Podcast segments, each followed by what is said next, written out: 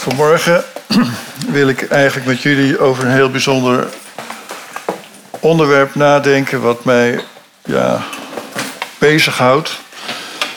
Al enige tijd natuurlijk, maar ook uh, in deze tijd. En het onderwerp, onderwerp waar ik met jullie over wil nadenken is een missionaire gemeente. En dat bedoel ik niet alleen deze gemeente, maar wereldwijd. De gemeente van de Heer Jezus Christus is per se een missionaire gemeente. En daar willen we over nadenken met elkaar. Afgelopen week was ik in Amsterdam. Niet uh, Amsterdam 2023 conferentie, maar ik moest uh, invallen daar. Een spreekbeurt in uh, de eerste Pinkstergemeente van Nederland in Amsterdam. Want in de voorganger die moest zijn eigen moeder begraven die week. En vroeg of ik wilde invallen. En toen, ja, toen dacht ik na over wat er in Amsterdam gebeurde verleden week.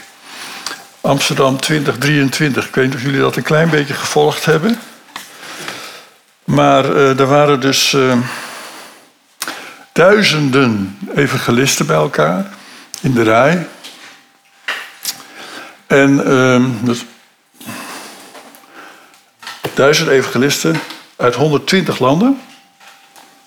En op zaterdag werd er een rally gehouden in het Olympisch Stadion. Jullie hebben er vast wel van gehoord. Of iets over gelezen via, via Facebook of zo. En waar ging dat over?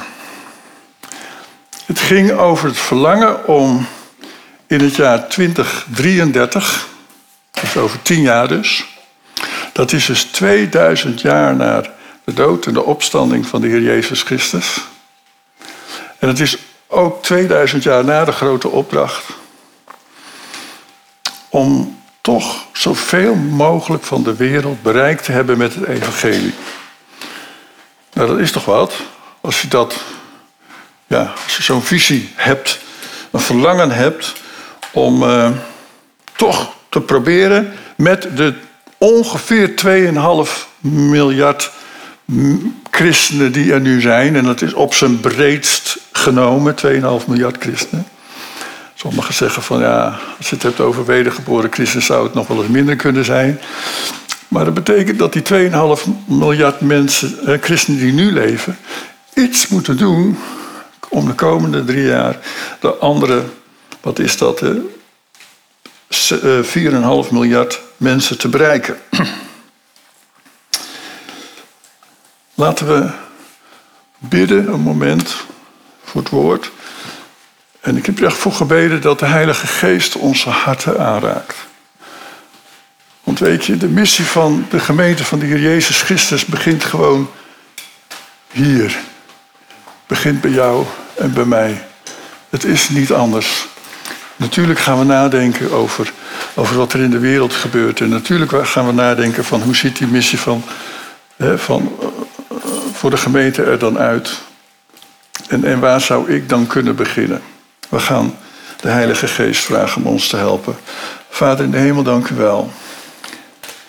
Dank u wat u doet in de wereld. Een wereld die schudt op zijn grondvesten, een wereld in nood.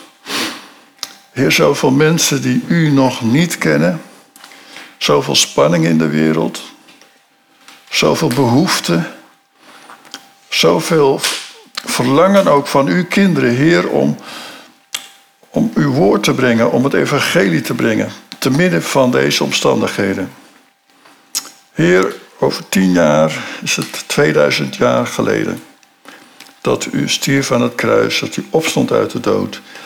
Heer, dat u grote opdracht aan ons gaf. Dat u de uitstorting van de Heilige Geest beloofde en gaf. Heer, op die Pinksterdag toen. En Heer Jezus, wij verlangen, juist in deze tijd. Heer, waar ook misschien in West-Europa. Heer, er zekere teruggang lijkt van uw kerk. Verlangen wij om mensen te zien komen bij het kruis van Jezus. En ik weet dat dat uw verlangen is.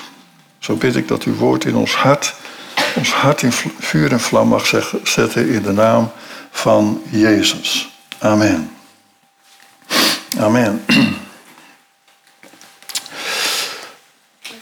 heb wat gegevens van een vriend van mij die ook op deze, deze conferentie was. En uh, hij zat met mij in een wereldwijde commissie van de Pinksterbeweging. Wereldwijd. Het is uh, Elton Garrison. En wij bekeken eigenlijk wat God aan het doen is in de hele wereld. Uh, in 1900, dus ruim 100 jaar geleden, waren er ongeveer in de hele wereld, dat begon eigenlijk een op, uh, te groeien in 1907, waren er ongeveer een miljoen Pinkstergeloven. Ik wil even het bij Pinkstergeloven houden, want daar heb ik een reden voor. Waren er een miljoen Pinkstergeloven in Amerika, in Engeland, Azusa Street, jullie hebben er wel misschien van gehoord. Vandaag aan de dag, ruim 100 jaar later, spreken we over een Pinksterbeweging die op zijn breedst, dus alle gemeenten, VPE, Assemblies of God, noem maar op, alle Pinkstergroepen in de wereld, bestaan uit 650 miljoen mensen. 650 miljoen mensen. Van 1 miljoen gegroeid naar 650 miljoen. Hoe kan dat? Er zijn vele sociologen en ook kerkelijke sociologen die dit onderzoeken en mee bezig zijn. En je kunt op verschillende universiteiten, ook in Nederland, kun je de Pinksterbeweging bestuderen. Nou weten we dat die groei voornamelijk plaatsvindt eigenlijk buiten Europa. Buiten Nederland. Was het maar waar. Dus toch was het maar waar dat we hier ook zoveel groei zouden kunnen zien. En toch geloof ik dat God wel bezig is. Want een van de, van de geheimen is natuurlijk die uitstorting van de Heilige Geest. Die gepassioneerdheid van het persoonlijke geloof van mensen vervuld met de Geest. Die in hun eigen omgeving daar iets van gaan vertellen. En dat is eigenlijk de gemeente wereldwijd die missionair is. nou, missionair zijn begint met de passie bij jezelf. Ik heb een dochter in, in uh, De Lier. En uh, zij zit in een commissie. Zij zat in een commissie voor het interkerkelijk koor van De Lier. 80 mensen, meestal allemaal ouder dan zij. Allemaal oudjes voornamelijk. Maar zij zat in een commissie om een nieuwe dirigent te vinden. Vind maar eens een nieuwe dirigent. Goed, hele toestand geweest. Uiteindelijk kwamen ze bij iemand, een jonge dame. Jonge dame, maar goed, jonge dame mag ik, mag ik wel zeggen. En uh, vanuit onze achterban. En uh, mijn dochter die heeft haar, dus op een gegeven moment was ze aangenomen, want dat is betaald werk. En uh, toen heeft mijn dochter haar voorgesteld van oké, onze nieuwe dirigent is zij en zij zal nog iets vertellen over zichzelf. En deze jonge vrouw zegt nou, ik ben zus en zo. En ik hou ontzettend veel van Jezus.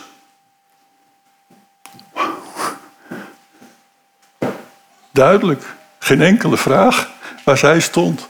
Het was een interkerkelijk koor. Je kunt je voorstellen, die koorleden zaten allemaal van... Wauw, waar gaat dit over? Maar ik dacht, wat een vrijmoedigheid.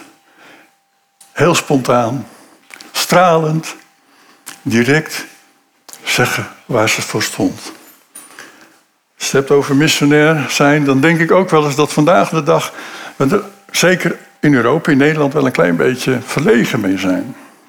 Ja, vroeger stond ik ook op straat met een ukulele, klein jochie achter mijn vader met zijn grote gitaar.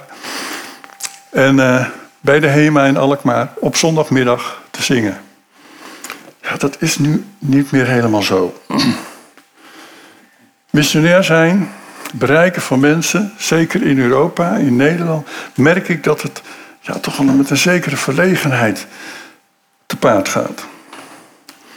En dat heeft te maken met het spanningsveld. Over hoe gaan, we daar, hoe gaan we dat nou doen met elkaar? Hoe gaan we nou dat invullen met elkaar? Een spanningsveld tussen onder andere genade, omarmen van mensen met liefde en oordeel. God heeft de zondaar lief. De zonde niet, maar de zondaar wel. Spanningsveld tussen genade en oordeel vinden we lastig. Moeten we daarmee de straat op gaan? Maar er komen zoveel tegen. Wat zonde is. Spanningsveld tussen geloof. Heer, daar moeten we geloof voor hebben, maar ook dingen ervoor doen. Vinden we ook lastig. He, zodra we zeggen van ja, we moeten missionair, als ik zeg we moeten missionair zijn, willen we mensen bereiken voor Jezus. Amen. Gaan we er wat voor doen? Dan is het gelijk al, ja, misschien een ander. Spanningsveld tussen uh, Gods kracht. Maar God is toch machtig, hij heeft de zon aan lief. En menselijke inzetting. Als ik weet hoeveel energie dat gekost heeft. Alleen al die conferentie in Amsterdam. Ik ben blij dat ik niet meer, niet meer in de organisatie van zoiets zit. Ik heb het wel gedaan, maar wauw. Wat een zorgen. Maar God is toch machtig? Yes. Maar we moeten ook een heleboel dingen ervoor doen. Inspanning. Spanningsveld van het omarmen tegenover afwijzen. Toch is het evangelie niet veranderd. Het evangelie is hetzelfde, ook nu, vandaag aan de dag, voor deze tijd. Met alle spannende dingen die we deze tijd zien en waar we ons in begeven. Het is toepasbaar nog steeds ook op onze cultuur. Niet alleen op de cultuur van de Bijbel. Zeggen ja, maar de cultuur van de Bijbel toen was het helemaal anders. Nee, het evangelie is nog steeds toepasbaar. Ook vandaag de dag. Het spanningsveld in ons, wat wij voelen als het gaat over missionair zijn. We willen wel geld geven aan de zending natuurlijk. Amen. Maar nou, hoe wij zelf dan? Hoe kan ik zelf zendeling zijn in mijn omgeving? Dat is best wel lastig.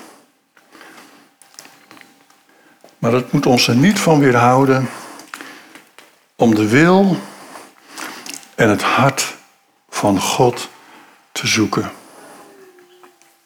Want meer missionair zijn, wat we natuurlijk verlangen, Heer, maak ook mijn leven, maak ook onze gemeente, maak alle gemeenten in Nederland meer missionair. Wauw, je ziet het ergens wel borrelen, hè? Je ziet het wel borrelen. Maar meer missionair zijn begint altijd bij Jezus. Het begint bij Jezus en zijn missie. Als je kijkt naar de kerkgeschiedenis, dan zien we dat op verschillende momenten in de kerkgeschiedenis er verschillende belangen speelden. De vroege kerk, de vroege kerk van de Bijbel en vlak daarna, die moest, zich Bijbel, die moest zich buigen over de kanon. De kanon gaat over welke boeken zijn geïnspireerd, welke brieven zijn geïnspireerd en behoren tot het woord van God. Nou ja, 300 jaar ongeveer is me daarmee bezig geweest. En men moest zich ook bezighouden met het begrip van de drie-eenheid. Vader, Zoon en Heilige Geest. Dat was best wel heel lastig om dat te kunnen pakken. Dat was het belang van de vroege kerk. Toen kwam de Reformatie. Allemaal wel eens van gehoord natuurlijk. Hè? En in de Reformatie boog men zich over de leerstelling sola scripta. Nou, degene die Latijn kennen, dat betekent alleen het woord, het schriftwoord, de schrift. Men boog zich ook over rechtvaardigmaking door het geloof. Men boog zich ook over het priesterschap van alle gelovigen. Het priesterschap van alle gelovigen, de bottom-up church, toen al werd er over nagedacht. Dat was toen het belang. Toen kwamen de opwekkingspredikers. En dan praat ik over het jaar 1800 ongeveer. Toen had je opwekkingspredikers. Eén die heette Torrey, de andere heette Moody. En we hadden Finley. En eh, we hadden ook nog eh, Jonathan Edwards. Vast over gehoord voor degenen die een klein beetje kerkgeschiedenis hebben gelezen of uh, bestudeerd. In de tijd van de opwekkingspredikers was het grote belang waarover gesproken werd, was heiliging en heiligmaking. Heel belangrijk. Werd benadrukt. Kreeg alle aandacht. Ook in de preken. Er kwamen duizenden mensen tot geloof. Mensen die echt uit de ellende kwamen. Als je het hoort van wat er in Engeland gebeurt, was echt buitengewoon. Er was zo'n aanwezigheid van Gods geest tijdens sommige opwekkingsdiensten, dat de paarden, want ze kwamen met paardenwagens naar de, naar de grote opwekkingstent, dat de paarden voor het terrein waar de tent, opwekkingstent stond, niet verder konden vanwege de aanwezigheid en de heilig, heiligheid van God. Nou, dat is toch ook wat? Niet alleen mensen werden aangesproken, maar zelfs de paarden durfden niet verder te komen op het terrein van, van die opwekkingsdiensten. Vanwege de aanwezigheid van God. Wauw, als je daarover nadenkt. En de politie, mensen in de straat, zongen opwekkingsliederen. Wauw, zo'n opwekking hoop ik ook nog eens een keer mee te maken in Nederland, toch? Geweldig. Dat was die tijd. Tijd van opwekkingspredikers.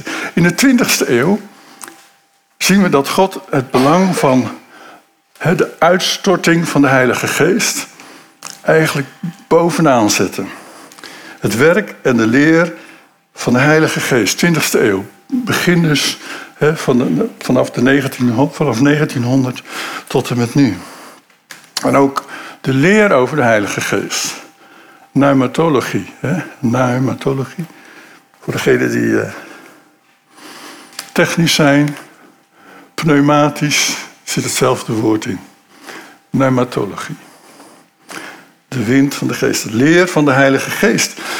Toen, toen wij in 2007 onze 100-jarige viering vierden in het, uh, van, van de Pinksterbeweging in het Olympisch Stadion, toen beleed um, de scriba van de PKN, omdat hij als eerste mocht de groeten overbrengen, hij zegt: Wij hebben het gemist.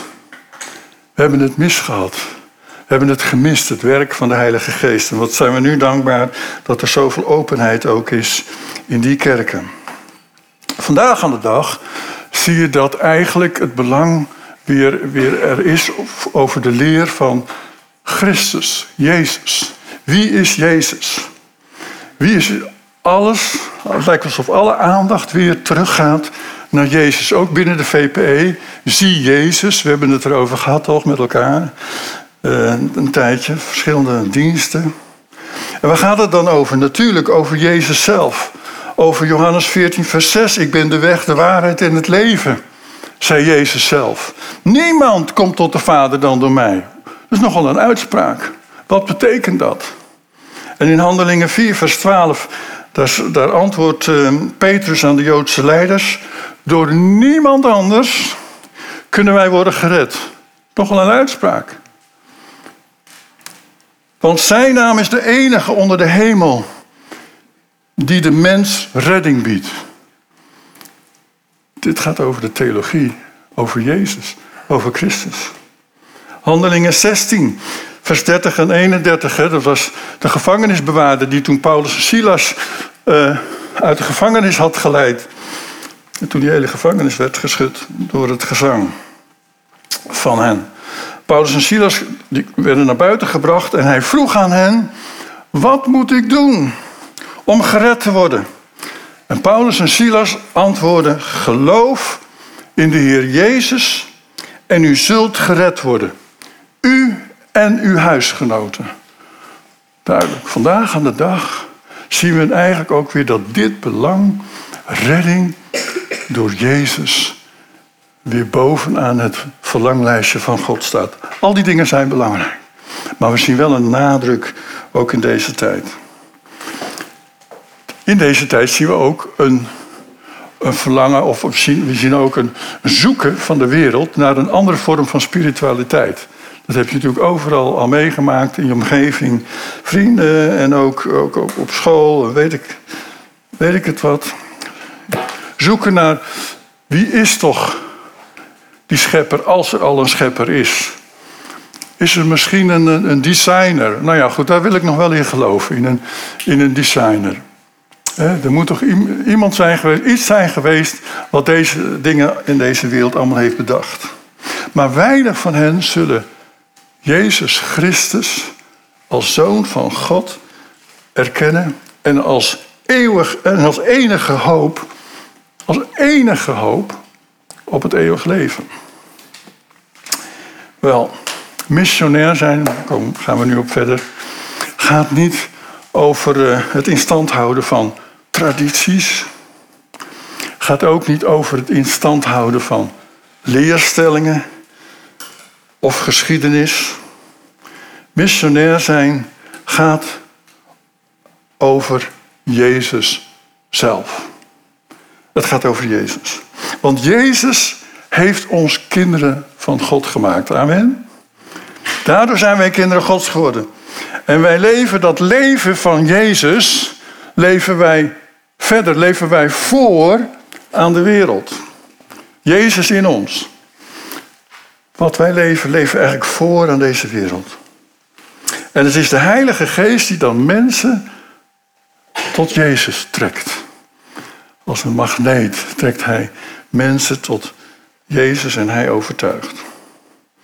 En daarom bepaalt de missie van Jezus bepaalt onze missie. En wat is dan de kern van de missie van Jezus? Wat is dan de kern van de missie van Jezus? Gaan we even naar kijken. De mensenzoon, Jezus Christus, is gekomen om te zoeken en te redden wat verloren was. Dat was zijn missie. Dat is de kern van zijn missie. In de breedste zin van het woord is onze missie dezelfde als de missie van Jezus. Om te zoeken, te vinden, te redden wat verloren is. Daarom bad de Heer Jezus in het hoge priestelijk gebed, Johannes 17, vers 18, ik zend hen. Dat was, ging over zijn discipelen, maar dat ging ook over ons. Want in ditzelfde gedeelte staat ook voor hen die na hen komen. Ik zend hen naar de wereld, zoals u mij naar de wereld hebt gezonden. En hij gaf hen ook hun missie mee. En die kennen we allemaal. Johannes 28, uh, uh, Matthäus 28, vers 18 tot 20.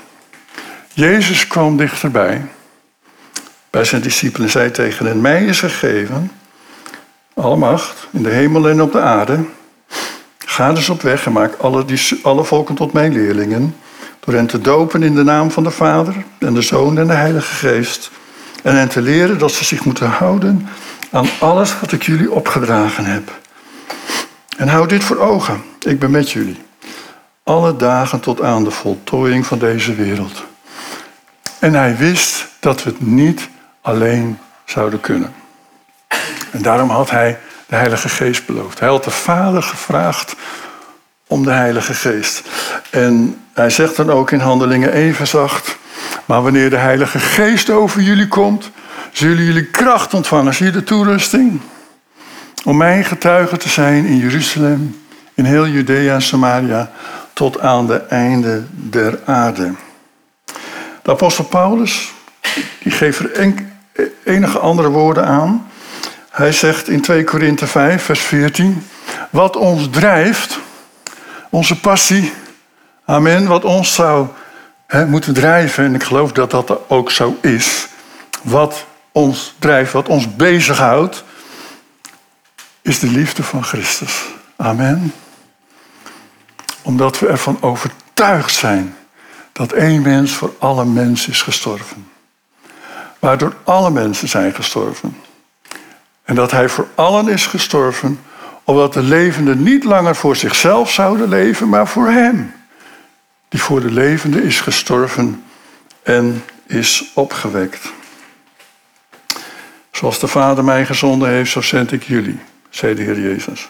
Goed, dus een missionaire gemeente, en gelukkig zijn alle gemeenten per se missionair, is dus een gemeenschap van volgelingen van Jezus, vol passie, die op een eigen, eigen wijze, een authentieke manier de missie van God, de missie van Jezus uitleven. Wel, we kunnen onze missie niet volbrengen in deze wereld als wij geen ongelovige vrienden hebben. Wat zeg je nou? Wat zeg je nou, Peter?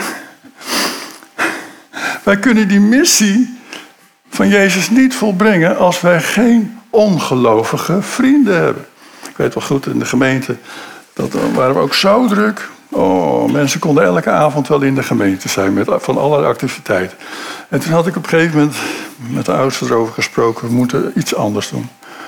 Minstens één avond in de week moet je ergens anders zijn. Uh, vergadering van je tennisclub. Uh, vergadering van, uh, van, van de school, ouders. Um, wees minstens één avond onder mensen die Jezus niet kennen. Anders kun je niet missionair zijn als we alleen maar met onszelf bezig zijn. Op een gegeven moment weet ik wel, oh wat hadden we een fijne gemeente, ik was er wel gezegende voorganger. En toen, toen vroegen de oudste, en ik, ik zat er een klein beetje door, dat heb je soms ook.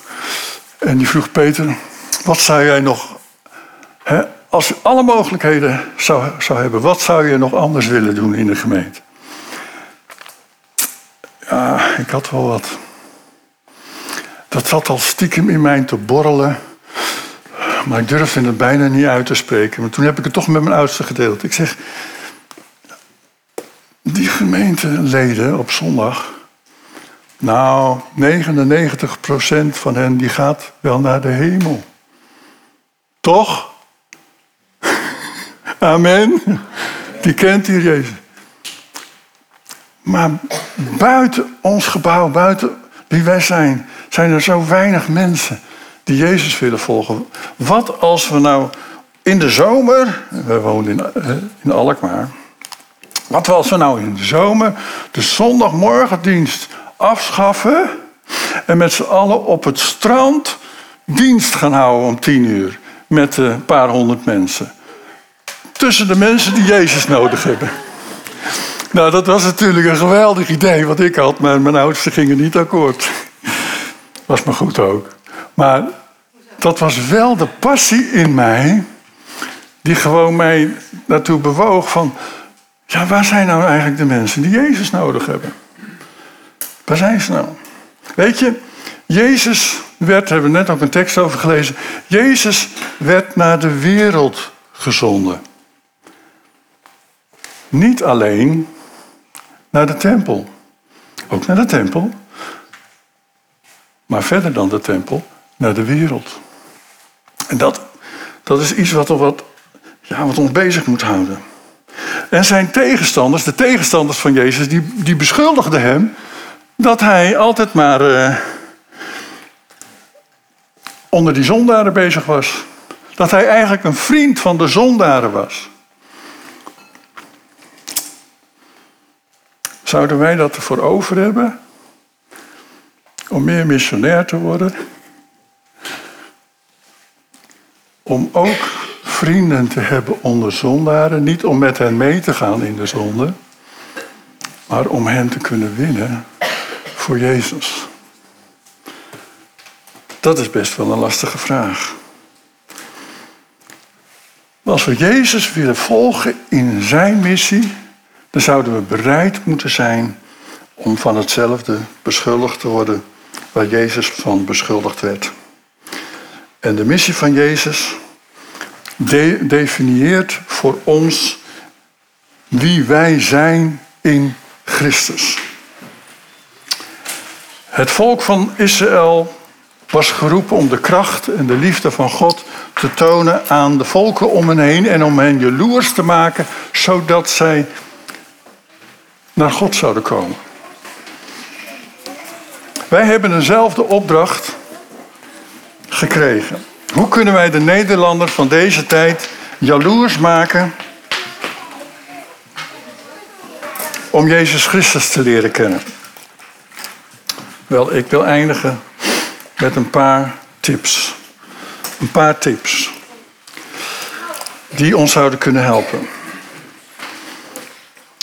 om persoonlijke verandering en ontwikkeling in ons leven te zien richting meer missionair zijn. We gaan er even naar kijken.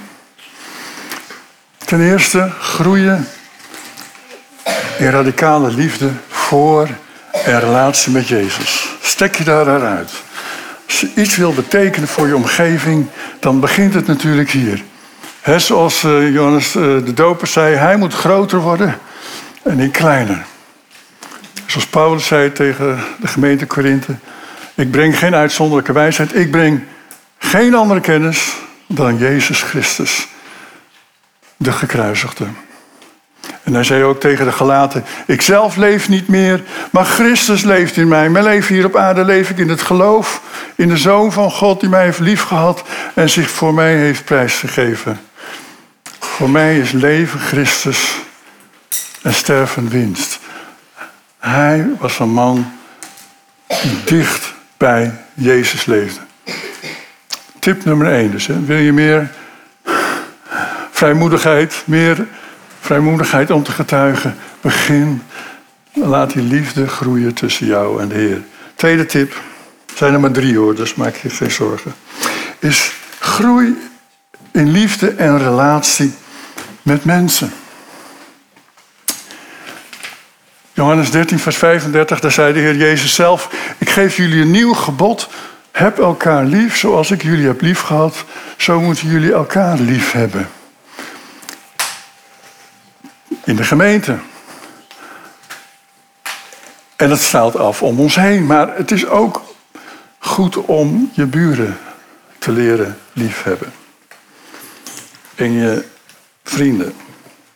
En je familie. En dan zegt Johannes in 1 Johannes 4, we hebben lief omdat God ons het eerst heeft lief gehad. Als iemand zegt ik heb God lief, maar hij haat zijn broeder of zuster, is hij een leugenaar. Want iemand kan onmogelijk God die hij nooit gezien heeft liefhebben, als hij de ander die hij wel ziet niet lief heeft. We hebben dan ook dit gebod van hem gekregen. Wie God lief heeft, moet ook de ander lief hebben. En de derde punt, derde tip die ik zou mee willen geven van groei voor je leven om meer missionair te worden, is leef in woord en daad je leven met Jezus uit. Getuigen zijn, we kennen allemaal die tekst. Kracht zult gij krijgen wanneer de Heilige Geest over u komt. Handelingen 1, vers 8. En gij zult mijn getuigen zijn in Jeruzalem, Judea, Samaria. We kennen die tekst.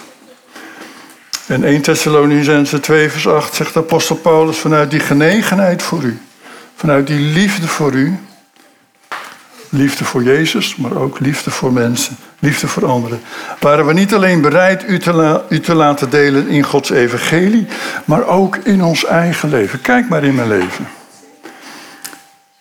Weet je, wij wonen aan de Kooiwiel 14 in Band en ik ben daar geen evangelist in de straat. Niet.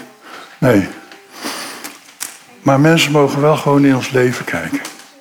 En als er wat is, dan heb ik regelmatig bij een barbecue, kom ik dan wel eens, hoor ik dan wel eens een nood van iemand in de straat. En dan, en dan vraag ik van, joh, mag ik eens langskomen? Zullen we, voor je, we voor je bidden? Je weet dat wij bidden.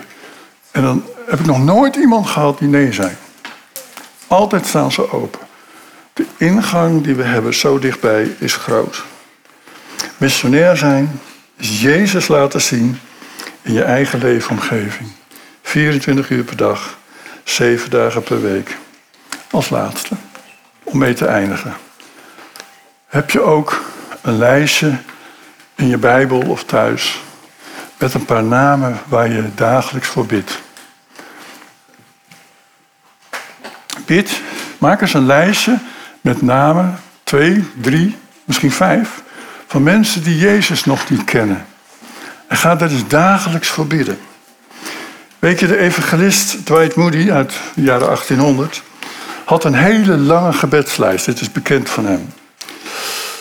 Zijn hele leven lang bad hij voor 100 mensen. Moet je nagaan. Als je dat elke dag moet doen, dan ben je even bezig om al die namen te noemen voor de troon van God. Maar elke dag deed Moody dat. 96 van die 100 kwamen in zijn leven en zijn bediening tot geloof. 96 van de 100. En de laatste vier kwamen tot geloof tijdens zijn begrafenis. Lieve mensen, mijn hart is ontroerd als ik daarover nadenk. Zijn mensen, zijn namen die leven in mijn gedachten, mijn hart, van mensen die Jezus nog niet kennen. Zijn namen van buren, zijn namen van familie. Die zijn ook bij jou in je omgeving, geloof ik vast en zeker. Zullen wij een moment gaan staan, stil zijn voor God en één of twee namen bij de Heer brengen waarvan jij weet dat ze Jezus nodig hebben. Zullen we dat gaan doen? Zullen we gaan staan?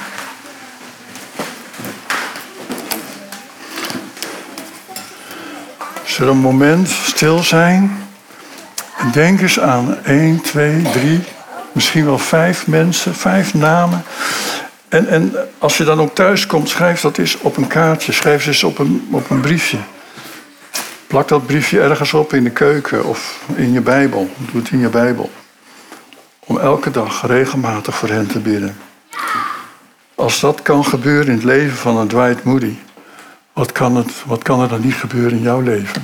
Als je gaat bidden voor mensen die Jezus nog niet kennen. Wij zijn de missionaire gemeente van de Heer Jezus Christus. En de missie van Jezus is onze missie.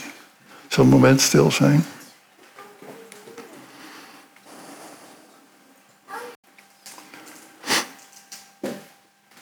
Heer, u was bewogen met hetgeen wat verloren was. En u ging zoeken. En u heeft ze gevonden. U heeft ze gered. Heer, als we denken aan de tijd waarin u leeft en als we denken aan de tijd waarin wij nu leven.